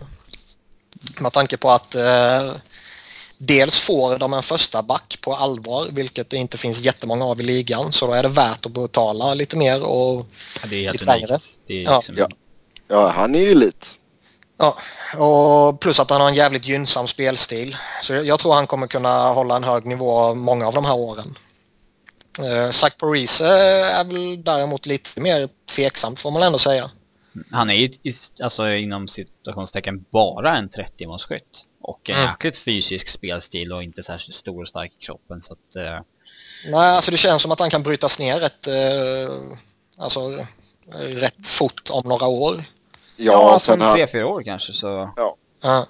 Sen han lyfter ju också mycket lön, alltså det är ju inte förrän de tre sista åren på kontrakten där som det, som det dippar av rejält. Nej. Utan jag menar han lyfter ju 9 mil, ja detta året så lyf, lyfter han 11 varav 5 i signing-bonus. Eh, men sen lyfter han liksom 9 mille i en, två, tre, fyra, fem säsonger. Mm. Ja, det där kontraktet kommer ju bli jobbigt om ett par år. Eh, han har inte liksom hållit sig... Så Jerome McGinley är 37 nu och börjar liksom dippa av men... Jag har svårt att se Parisi hålla i sam till, till liksom den åldern innan han börjar tippa av för att han har haft så mycket mer skadeproblem på Parisi än vad Ginla haft under sin karriär. Ginla har ju aldrig varit skadad. Parisi har ju... Han har varit skadad mycket. Mm. Alltså det är en bra spelare, alltså missförstås rätt här, men det är inte en kille som kommer hålla tills han är... Jag tror inte han kommer hålla tills han är 38 liksom. Kontraktet Nej, alltså, han är 41 kortsikt, eller ja, Kortsiktigt är det inga problem. Han kommer vara jätteduktig under några år här Det är jag helt övertygad om. Mm. Ja. Mm. Ja. Nej, det var bra val Niklas. Du får sen, eh, plus, pluspoäng på den. Ja, alla mina val är bra. Tack så mycket. Sen, sen kan man slänga ut lite hedersomnämnande, eh, om man kan kalla det det, till både Marian Hossa och Henke Zetterberg. Hedersomnämnande, ja det är fint. Som, alltså, eh, de, de är inte dåliga och jag tror de kommer fortsätta vara bra i liksom rätt många år. Men om de slutar i förtid så kan ju de här kontrakten ställa till det.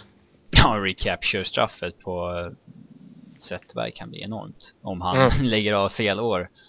Men liksom det... Ossa är 35 idag och Z 34 idag. Det kan ju det kan ju ta slut rätt fort ju. Mm.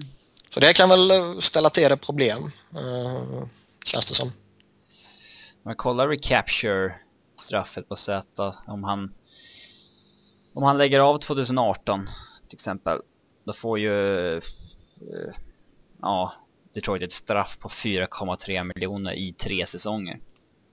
Det är ju rätt saftigt. Eh, mm. Om de lägger av ett år senare så blir det 5 miljoner i straff i två säsonger. Eh, Hossa kan ju verkligen ställa till det rejält här för mig eh, om man lägger av ett visst år. Eh, alltså så att de får typ så 10 miljoner i straff eller någonting. Det är något stört. Har jag för mig. Mm. Mm, Ja, har vi några mer namn vi vill nämna? Alex Semin kan man väl slänga ut där. Ja, det finns ju lite mer såhär Scott Hartnell, han kanske liksom... Ja, han... Han har fått en nytändning i Columbus men också en kropp som kommer brytas ner. Framförallt är han så in i helvetes ojämn. Han kan vara skitbra i tio matcher och sen vara totalt oduglig i tio matcher. Mm. Han har visat denna säsongen redan liksom. Han började ju jättebra och var ju... Nu blev väl hans poängskörd i inledningen blev lite överhypad just för han gjorde väl typ fem poäng en match eller något sånt där. Så den blev lite överreklamerad men han hade ändå point per game ett dussin matcher eller något sånt där. Mm. Uh, och sen uh, gick han fem sex matcher utan att göra någon nytta och sen två raka tvåmålsmatcher och sen poänglös i 10-12 matcher liksom. Mm. Så det är så han kommer se ut. Ja. Han lägger Hoss av när han är 37 eller 38 så kommer Chicago få ett straff på ja, kring lite över 4 miljoner i 4-5 säsonger. Det är ju extremt kännbart. Du ska dessutom 21 miljoner uppknutna i Kane och Taves. Så att, eh, mm. Ja, det var lite snack om att de skulle köpa ut det där ju. Men det blev ju aldrig så. Mm. Ja, är vi nöjda där så tar vi och hoppar vidare. Ja. Vi ska snacka lite målvakter. Och... Eh, Goaltending. Japp. Eh, ska vi... Vi börjar med vilka som har varit sämst. Så tänkte jag att då kan vi avsluta på en bättre not här. Eh, vilka, om vi säger ta tre stycken, vilka tre målvakter har ni tyckt varit absolut sämst än så länge? Mike Smith. Mm, han är etta på min lista också. ja, han ligger illa till. Um... Yeah. Jag skulle väl... Det är svårt att uh, särskilja lite på var jag skulle sätta in Toka Rask. Om jag ska sätta honom under kategorin dålig eller under kategorin besvikelse. Mm. Ja, det är väl mer besvikelse än dålig va? Ja, Eller det är klart, och lite hand i hand. Så, jag är li, lite sådär, för jag menar, å, å, ena sidan så känns det att okej, okay, det är svårt att förhålla sig till Bostons inledning med tanke på eh, att Chara har varit borta länge och, och Krejci skada. Men samtidigt så är det ju då som Tokarask ska kliva fram. Så liksom, å, å ena sidan finns det argument som talar för att ja, man kan ha lite förståelse eh, för, för honom. Å andra sidan så, nej det är fan nu han ska visa att han ska ha det här kontraktet och att han ska vara ansedd som, eh, om inte ligans bästa, så i alla fall en av de bästa målvakterna. Mm. Ja. sen, sen har han ju inte varit på Mike Smith-nivå. nej, exakt. Mm. Ska vi snacka absolut ja. sämst, då kan man ju nämna sådana här som inte har några förväntningar på sig heller. Ja, Lindbäck liksom. Ja, Lindbäck, Reto Berra. Eh... Ja, men om, om, jag, jag, jag, har ju menat det i, i förhållande till vilka förväntningar man hade på dem. Ja, sen om, vi kan väl försöka, alltså försöka hålla oss till första målvakter. Mm, typ. Eh, ja, det, det är väl lite besvikelse och sämst, lite, lite samma... Ja. Okej, ja. Svårt har Valama varit en besvikelse? Nej, det tycker jag inte. Han har varit skadad och sådär. Så att, uh, nej. Jag tror inte någon som förväntar sig att han skulle fortsätta i liksom samma, samma enorma takt som i fjol heller. Um. Men ett goal, goal lite... average på 3,22 är inte bra. men det säger mer om laget än han. Jo, det är sant. Sergej Bobrovski har ju inte varit jättehet hela säsongen heller. Sen är det ju en CP-unik situation känns det som med tanke på skadeläget. Mm. Ja. Eh, snackar man liksom förvänt en eh, besvikelse sett i förväntningar och lön så är väl Henrik Lundqvist den största. Mm, definitivt. Uh, han har jag listat som besvikelse också. Um, sen skulle jag väl inte vara orolig för honom. Och jag är väl inte orolig för Toka Rask heller egentligen. Nej, uh, nej men det, det konstiga med Henrik är ju att han har ju alltid varit känd som en målvakt som alltid ger sitt lag chansen att vinna liksom. Men nu är det liksom, han släpper in fem mål ena matchen, håller nollan andra och släpper in fem igen. Han släpper in sex två matcher i rad i början på säsongen och verkligen så här vissa matcher där han har förfallit rejält. Mm. Det är väldigt olikt honom.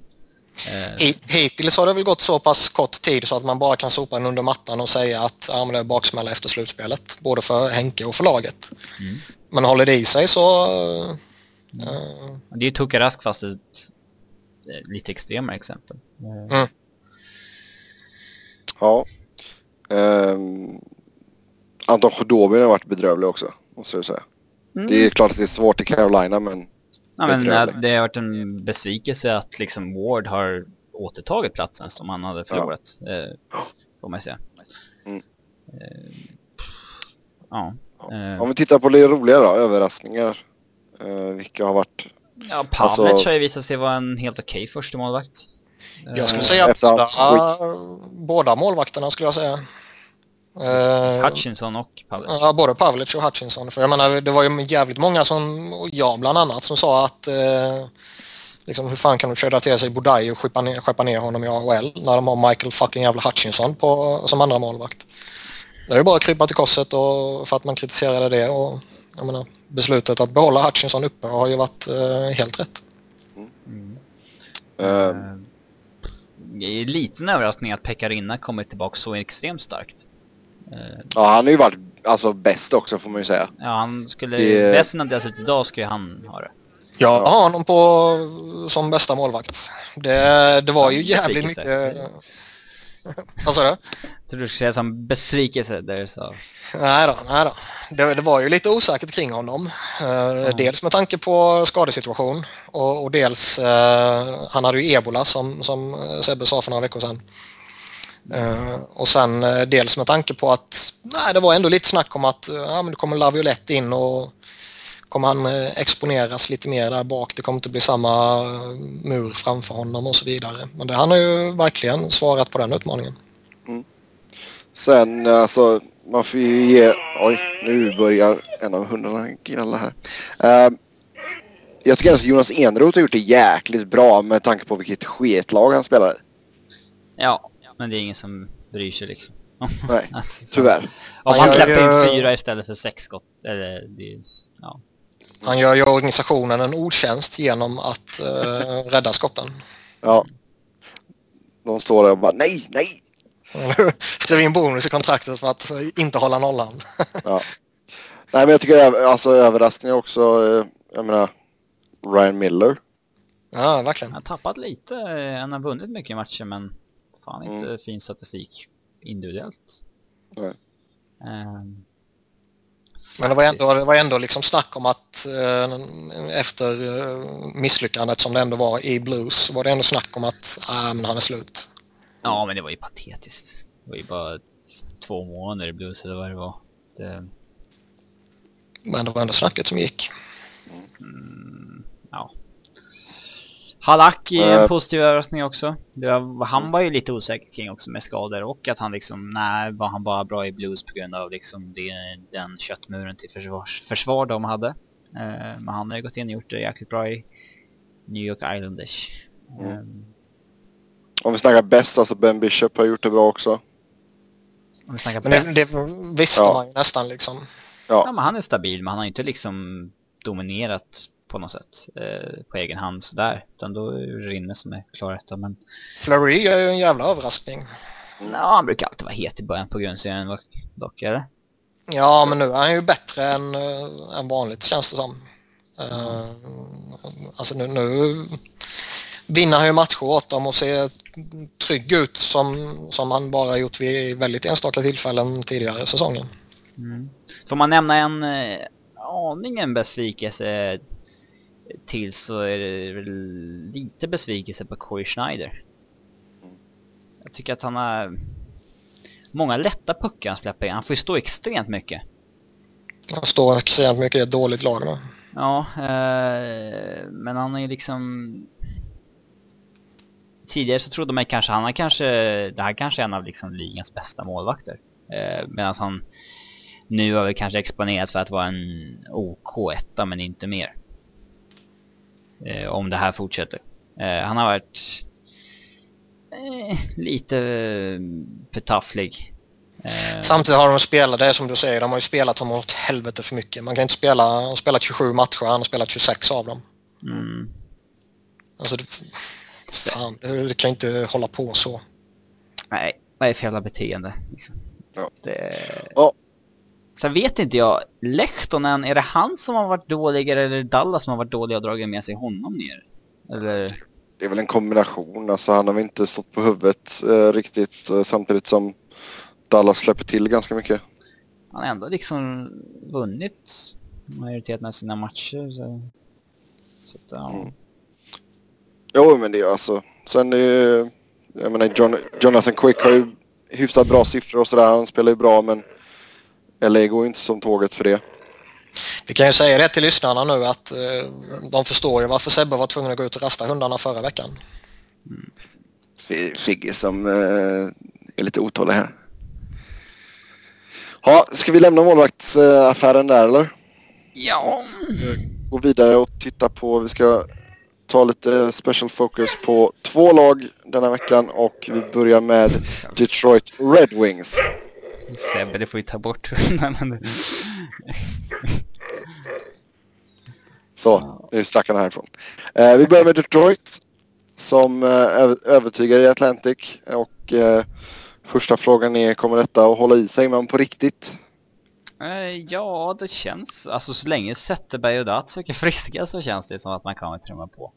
Mm. Det är väl lite resultat av att um, Boston har varit lite besvikelse hittills i Atlantic och uh, Toronto har ju inte... Ja, Toronto varit, i Toronto? Ja, de har inte liksom fått någon coachbyte och effekt som man kanske trodde skulle ske någon gång under säsongen. Uh, så att... Um, nej men de har ändå överraskat mig Detroit. Jag trodde inte att de skulle gå så här bra. En intressant faktor är att de har mött väldigt få Westlag. Mm. Ja, de, de spelar i en konferens som är ganska lätt och en division som innehåller både Buffalo och Florida. Det är ju eh, visst hjälpmedel, men eh, har schemat varit så att de, de har inte spelat så mycket? Spelat Anaheim, LA, Chicago. That's it av de tuffa väst, Westlagen liksom. Hmm.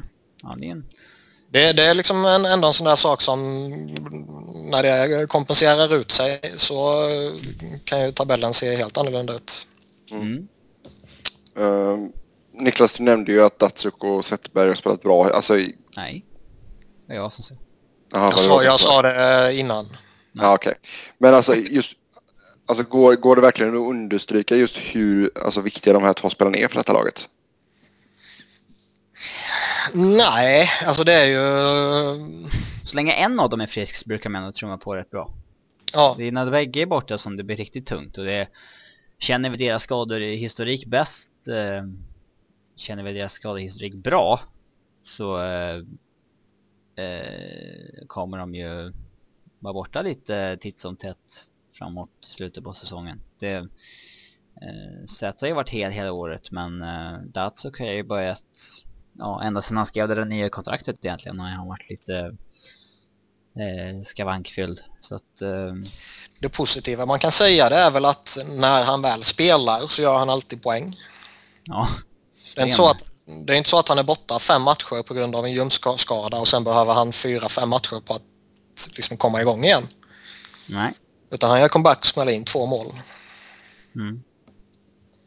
Men alltså hur ser det ut bakom här med de lite yngre grabbarna som kommer fram? Jag tänker ju självklart på Gustav Nyqvist och Jurko och allt vad de nu heter. Alltså är detta killar som kan klara av att axla detta när, när väl Datsuk och Z liksom börjar gå ner sig ordentligt? De klarar det idag? Nej, alltså de är inte så unga heller som man liksom kanske vill få det till. Ser ut att de är, de är Detroit-unga. Ja, så kan man säga. Tatar ser ut att få en liksom karriär som en 25-30 målskytt kanske. Eh, som Radin Verbata eller någonting. Eh, men han är 24 år idag. Det, eh, oh, det är inte så att han kanske blir en 90 poängspelare. Så den potentialen tror jag inte finns där. Nyqvist tror jag lever ganska hårt på riktigt, riktigt bra kedjekamrater konstant och eh, ja, han är nog också en 25-årsskytt men på sikt kanske en 60-70 poängspelare som Louis Eriksson var en gång i tiden. Eh, men han är också eh, 25 bast och det är liksom inte jättemycket mer potential att hämta där. Eh, Jurko har inte riktigt tagit något steg än, men han är ändå å andra sidan bara 21. Och inte riktigt fått chansen i jättebra omgivningen vad jag vet. Så att... Ja, jag vet inte. De har ju däremot något riktigt spännande på gång underifrån också ju. Typ mm. en Larkin och Manta och så här. Mm. Så, så kan, de, kan de bara... Alltså skulle Datsjuk och Zäta sluta inom kort om man säger så. Oavsett eh, om det är ett aktivt val eller om det är ofrivilligt så att säga på grund av skada. Så, mm. Så tror jag de skulle få problem. Eh, ja, kan, man, kan man däremot hålla Zäta och Datsjuk i, eh, och Franzén också för den delen eh, som de ledande spelarna under två, tre år till. Då, då tror jag mycket väl att de här kan växa in och, och, ta över skeppet så småningom. Mm. Ja, sen alltså lagsiffrorna ser ju väldigt bra ut. Special teams funkar och alltså vad är det som gör att Detroit spelar, alltså är så pass bra som de är just nu? Det underlättar ju såklart man kan ha, som jag varit inne på, Zäta och Datsjuk på isen. Ja, vad ska man säga? Två tredjedelar av matchen i alla fall. Mm. Då kommer man kunna mäta sig med många. Um, det känns väl som att de har, eh, alltså stommen de har är jävligt bra. Eh, uh, Zäta, Datsjuk, Kronvall, Eriksson, Jimmy Howard. Alltså det, det, är ändå en stabil stomme att ha. Och det är en stomme som kan mäta sig med de flesta andra stommarna i ligan.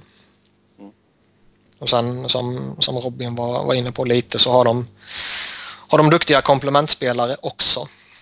Så laget är ju rätt väl uh, ihopbyggt på det sättet. Det känns ju som ett väldigt mycket lagbygge. De är ju väldigt mycket egenfostrade spelare som har spelat ihop länge och alla kan sina roller, vet vilka som är stjärnorna liksom och det, det rullar på. Det är inte så mycket turbulens i, i det laget. Mm. Um, ja, man ligger åtta i PP och man ligger trea i, i PK. Ja, ja det är väl okej. Okay. Um, siffrorna är väl ganska, ja, det har bara gått 28 matcher som säger kanske inte jättemycket men mm. um, det rullar ju på hittills. Um, jag tycker Kronwall har tagit mer steg mot att bli en riktig, inte en eh, riktig etta kanske, men i alla fall en första backparsback. Mm. Alltså pratar man första back i den meningen som jag vill kalla det så är han ju inte det. Men pratar man första back eh, i den meningen som eh, det ser ut i ligan idag så är han det. Om man ska ta ut 30 toppbackar, alltså de ja. 30 backar från 30 lag så är han ju ja, bland 30 i bästa. Definitivt. Men kanske plats 17-18. Mm. Ja, kanske, jag kanske kan rabbla upp 16 bättre. Eller? Kanske inte om man ska ta en från varje lag, men ska du plocka rakt av så... Ja. Där någonstans. Alltså han är väl topp 20 i NHL. Ja. Mm. Ja. Um, sen Mike Babcock då sitter ju på uh, utgående kontrakt och Tror ni att Babcock kommer att stanna i Detroit där han har väldigt mycket att säga till om? Eller tror ni att han vill ha en ny utmaning och kanske ta sig an eh, ja, till exempel Toronto? Jag tror han kan få mer att säga till om om han går någon annanstans. I en, mm. liksom i en... Uh... Samtidigt tror jag han har nog definitivt sin GMs öra här liksom. Mm. Ja, men han, eh, han uttalade sig något... och var ju lite lack för att eh, Ken Holland inte lyssnade på honom gällande heter han, Xavier Olé till exempel, han vill ju ha kvar honom i NHL men Holland ville skicka ner honom och då sa han Ja, när vi snackar så har Holland två röster och jag har en så att säga. Eh, jo, men så är det väl uh, överallt eh, förutom med Patrick Roy typ. ja, men skulle Babcock hamna på marknaden så skulle han ju definitivt kunna ställa Patrick Roy krav. Ja. Men jag skulle inte vilja ha en kille som Mike Babcock som att han sköter personnel decisions så att säga. Och det, man kan väl säga det beror på ett namn och det är Daniel Cleary. eh, så att... Eh, nej, men det är klart att det är en... Det skulle ju bli den överlägset mest attraktiva coachen på marknaden om han hamnade där och han blir ju bäst betalda coachen i ligan oavsett om han stannar i Detroit eller går någon annans. Eh, mm. och det blir ju mycket möjligt i Toronto om det inte blir i Detroit tror jag. Sannolikheten för att han stannar i Detroit ökar ju med tanke på eh, hur bra de går. Ja. Sen som sagt, sen när det kompenserar ut sig med att de möter alla Westlagen så mm. kanske hon inte är lika attraktivt längre. Mm. Nej men alltså det, det är ju svårt att säga alltså. Det är ju en sån jäkla vinnarskalle Babcock och vill man verkligen ta sig an ett... Jag kan ju se att han kanske vill ha en ny utmaning å ena sidan. Men alltså ta sig an typ Toronto där man mer eller mindre inte kan vinna. Fast lyckas du i Toronto så blir ja, du då är du verkligen, då är du gud ja, ja. förklarad och allting. Uh, är det någon som skulle ha möjligheter att kunna lyckas i Toronto det är väl Mike Babcock. Babsan. Ja. Så det, det, är väl det som talar för att han uh, skulle vilja det. Sen finns det ju tryggare utmaningar att ta om man säger så. Ja. Mm. Ja, vi får se vad som händer. Som sagt, det är... Det hade ju som, som du säger Niklas, han, han skulle ju mer eller mindre kunna välja och vraka om han kommer mm. till marknaden. Och, ja, han är, alltså, vi pratade om McLean tidigare i programmet och med Babcock på marknaden och jag tror vi har sagt det tidigare också så är det ju det är en coach som man skulle kunna sparka sin nuvarande coach för att ta in. Ja. Mm. Absolut, absolut.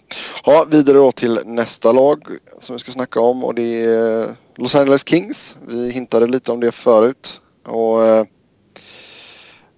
som sagt, man går inte riktigt som tåget. Eh, just nu så eh, ligger man på en eh, på en wildcard-plats i West. Eh, 33 inspelade poäng på 27 matcher. Eh, ja, alltså man verkar ju väldigt, man är ju väldigt starka hemma. Eh, man är 11-4-1 hemma men 3-4-4 på bortais. Mm. Den enkla förklaringen är väl liksom att ja, de har spelat sjukt jävla mycket hockey senaste tiden. Mm. Alltså det har varit eh, ja, som alla andra långa grundserier men sen har det hela tiden varit många slutspel och långa slutspel och släng in ett OS mitt i allting och så här. Så de, de är ju ett av lagen som har eh, eh på sina toppspelare haft vad säger man, en... Um, många miles. Jävligt, ja, många miles, en tuff arbetsbörda. Det, det, är en sån sak som definitivt kan, alltså pratar du Stanley Cup hangover så oavsett om du vinner eller inte, som vi pratade lite Henke Lundqvist tidigare, så, så blir det väl ännu tydligare när du har haft det i flera år i rad. Det var väl det Foppa sa som stor anledning till sin timeout där eh, 01-02, att de hade gått så jävla långt i slutspelen varje år. Han var där så att han var helt mör liksom. Mm. Eh, så att eh, det är väl mycket möjligt att han... Ehm, eh, eller att eh, de är liksom trötta helt enkelt. Mm. Alltså jag, jag, tycker inte att det är, man, man ska inte få panik om man är King-supporter direkt. För jag tror fortfarande att det är ett lag som så länge man tar sig till, till slutspel så kommer man vara farliga liksom.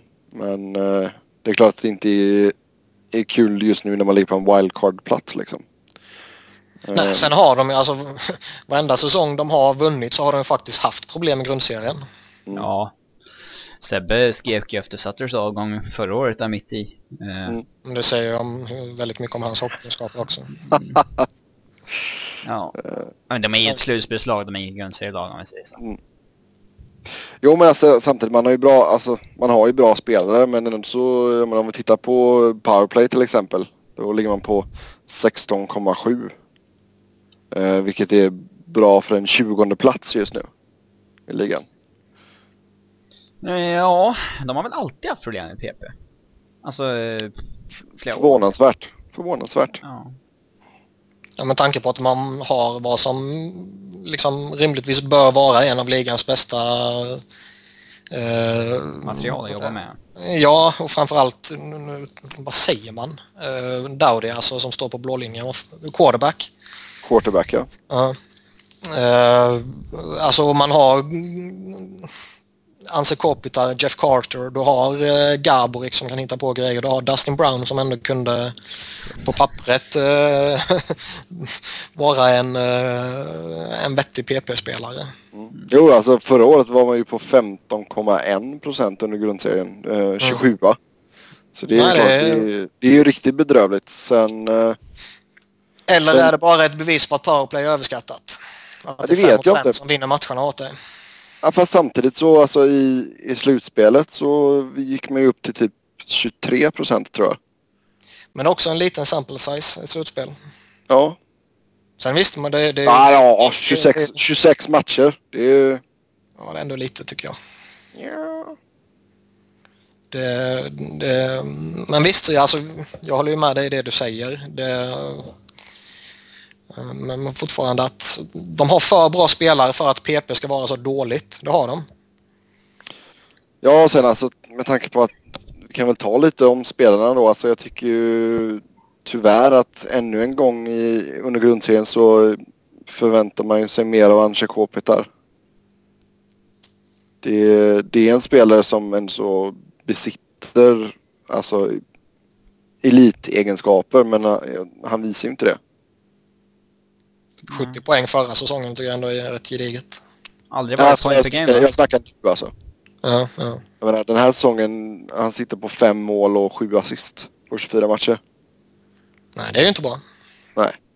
Men samtidigt så tror jag att han kan nog definitivt vara en sån där som uh, uh, är jävligt sliten. Ja, ja, han har ju spelat mörbultad länge känns det ju som och speciellt i slutspelen. Ja, spelar mycket hela tiden och, och höga tuffa minuter och, och bla bla bla liksom. Mm. jo, men sen var han ju, sen var han ju skit, alltså 26 poäng på 26 slutspelsmatcher förra året och det ska man ju absolut inte klaga på men om man tittar på i år så har han ju verkligen inte levt upp till förväntningarna. Nej, nej, inte alls. Det är ju, det är ju en sån kille som man tycker ändå så bör kunna vara alltså elit. Ja, det ska han vara. Han kommer snart få betalt som det. Ja. Ja, ja, han sitter ju på 6,8 som vi snackade om förut och ett år kvar efter denna säsongen och sen så är det ju hans stora payday liksom. Mm. Då ska han ju upp på Getzloff-pengar. Men han har aldrig varit point per game. Det är ju liksom någonting man kan sätta emot honom i en förhandling. Men mm. så länge han har en UFA-status i slutet på den så, jaha, då får väl någon annan pröjsa med det Han hör inte vad du säger för han har två Stanley Cup-ringar i öronen. Ja, exakt. Men han, han har ju varit nära point per game ett par gånger, det får man ju säga. Men det är jävla skillnad på att vara konst, konstant och vara nära. Ja, absolut. Ja, sen eh, vi har ju snackat redan om Dustin Brown och hans förfall. Eh, men det är kanske också en sån kille som kommer att höja sig i slutspel igen liksom. Men Ja men det är fan inte okej okay att göra 27 poäng i grundserien om du ska tjäna 5,8. Nej nej absolut inte. Skärpa till sig om. Mm. Sen är det klart att alltså Slava Vojnov-grejen har ju säkert ställt till det vare sig de erkänner eller inte både i gruppen och självklart att man har tappat en topp 4-back liksom. Klart det påverkar att hävda något annat är ju lögn. Jo, men det är klart att utåt så säger de att eh, vi kör på som vanligt och bla bla bla. Ja, och det är ju bara lögn ju. Ja. Um. Men om vi, om vi ska ta några, alltså. Om vi ska ta något positivt från eh, LA, alltså. Nej, det tycker och, jag inte. Ja, men någonting får vi väl ändå ta. så vad, vad, vad har ni att säga om till exempel en sån som Jake Massin och Brandon McNabb? som har fått eh, logga mycket nu när Vojna varit borta. Vi har väl inte snackat om eh, Alec Martinez kontrakt? Jo, det tror jag väl. Nej, jag tror att du ljuger. Nej, för det... jag, har för mig, jag har för mig vi pratade om det och så sa du att ja, men det är ett nytt sånt här långt kontrakt. Hmm, jag tror att vi har chattat om det, men jag vet fan när vi har snackat om det. Du får, vi gör så här, du får i uppgift att lyssna igenom föregående podcast Robin och eh, har vi inte pratat om det tar vi upp det nästa vecka. Mm. Vill du att jag ska säga någonting tråkigt om Avalanche nu som avslutande så kan jag säga att Varlam vi skadad igen med ljumsken igen. Fan vad gött! ja. Ja. Ja, vi kan, ja, om ni inte tog upp det förra veckan så uh, skrev ju som sagt Martinez på ett nytt kontrakt. Ja, och och Brian Murray har ju en presskonferens nu där han säger att Dave Cameron är head coach och inte någon interim coach. Utan han är head coach. Okej. Okay. Okej. Okay. Mm. Så att, mer, eh, mer läs, att eh, läs helt enkelt att de kommer gå efter en coach i sommar och inte nu. Ja. Ja, Alec Martinez i alla fall. Sex års kontrakt värt 24 miljoner dollar. Capiten landar då på 4. Uh, Martinez har ju också uh, loggat ganska bra minuter nu. Uh, snittar 19, 1946. Vilket är ganska mm, hyggligt ändå. Um, Dowdy loggar väl mest minuter av alla just nu tror jag. Uh, framförallt absolut i LA men han ligger på 28-47. Mm. uh, lite, lite risk att han blir utbränd om man säger så. Ja, verkligen. Alltså, vi pratar det här att man spelat mycket hockey och det... Då, då är det väl inte jätteultimat att spela med, alltså låta en back snitta så många minuter. Sen påverkar ju slå fart eh, eh, Vojnovs eh, situation att Dowdy får spela ännu mer. Mm. Det är bara Ryan Suder som, eh, som snittar mer. Han snittar 29-19. Mm. Liksom jämfört förra säsongen när han spelar han spelar tre minuter mer per match denna säsong jämfört med förra säsongen. Mm. Och det är ändå en rätt rejäl stigning om man slår ut det över en hel säsong. Mm. Ja, nej, vi får se. Men jag, som sagt, jag tror inte att man... Så länge man tar sig till slutspel så kommer man nog eh, vara helt okej okay, faktiskt. Ja, Men, det är helt övertygad om. Om vi tittar på lite andra faktorer då. Alltså, That 70s Line blev ju väldigt populärt uh, under slutspelet där och var bra i början av säsongen också men nu svalnat av rejält och nu har man brutit upp spelarna där. Och det är väl inte så mycket att alltså, hymla om de har inte varit tillräckligt bra så därför så provar man någonting annat. Ja, yngre spelare kommer alltid gå lite upp och ner. Mm. Sen eh, Marian Gaborik eh, ut och in, eh, skador och grejer. Bör man vara orolig för honom? Ja. Ja. Det är klart man ska vara det. det. Det är ju inte så att det kommer som en chock att han är skadedrabbad. Nej. Och eh, de flesta konstaterade väl också det när han signade sitt kontrakt att eh, visst, det är en, för med tanke på vad han kan bidra för så är det en jävligt bra cap hit. Att få honom under 5 miljoner är givetvis bra. Eh, långsiktigt är ju kontraktet däremot eh, eh, jobbigt. Alltså längden på kontraktet. Ja, exakt. Eh, sen skulle man väl inte fått honom på ett treårskontrakt för då skulle väl det blivit mycket dyrare såklart. Men, men eh, han höll sig ju frisk hela tiden under förra säsongen när han var i LA. Det är klart att det hjälper ju honom säkert i förhandlingarna. Ja, liksom nu är det ju mer den riktiga Gabrik man får se. Eh, som har problem här och där och går in och ut ur laget. Och till skillnad från Datsuk som vi pratade om så har han ju inte eh, levererat konstant trots att han har varit borta så att säga. Mm. Nej, nej, men det, Utan 8, 8 poäng på 15 matcher. Fyra, nej, det är de inte alls det, men alltså man, man kan ändå ha den parallellen tycker jag ändå man kan dra. Mm. Nej men som sagt, uh, Kings-fans, så länge LA tar sig till slutspel så kan ni nog vara hyfsat lugna faktiskt att man kan vara en contender. Um, ja, det är klart. Men uh, det är klart att det hade känts lite bättre om man tog en av de uh, ja, vanliga platserna och inte behövde förlita sig på ett wildcard. Mm. Mm. Med det så säger vi tack och hej för den här veckan. Som vanligt så kan ni snacka hockey med oss via Twitter. Mig hittar ni på Noren. Niklas hittar ni på Niklas Wiberg, Niklas med C och enkel B och Robin hittar ni på R underscore Fredriksson. Så eh, ja, som vanligt kom gärna med kommentarer i kommentarsfältet. Ni kan lista era värsta kontrakt eh, till exempel. Eh, skicka förslag på vad ni vill att vi ska snacka om eh, via Twitter. Så hörs vi igen nästa vecka. Ha det gött, hej!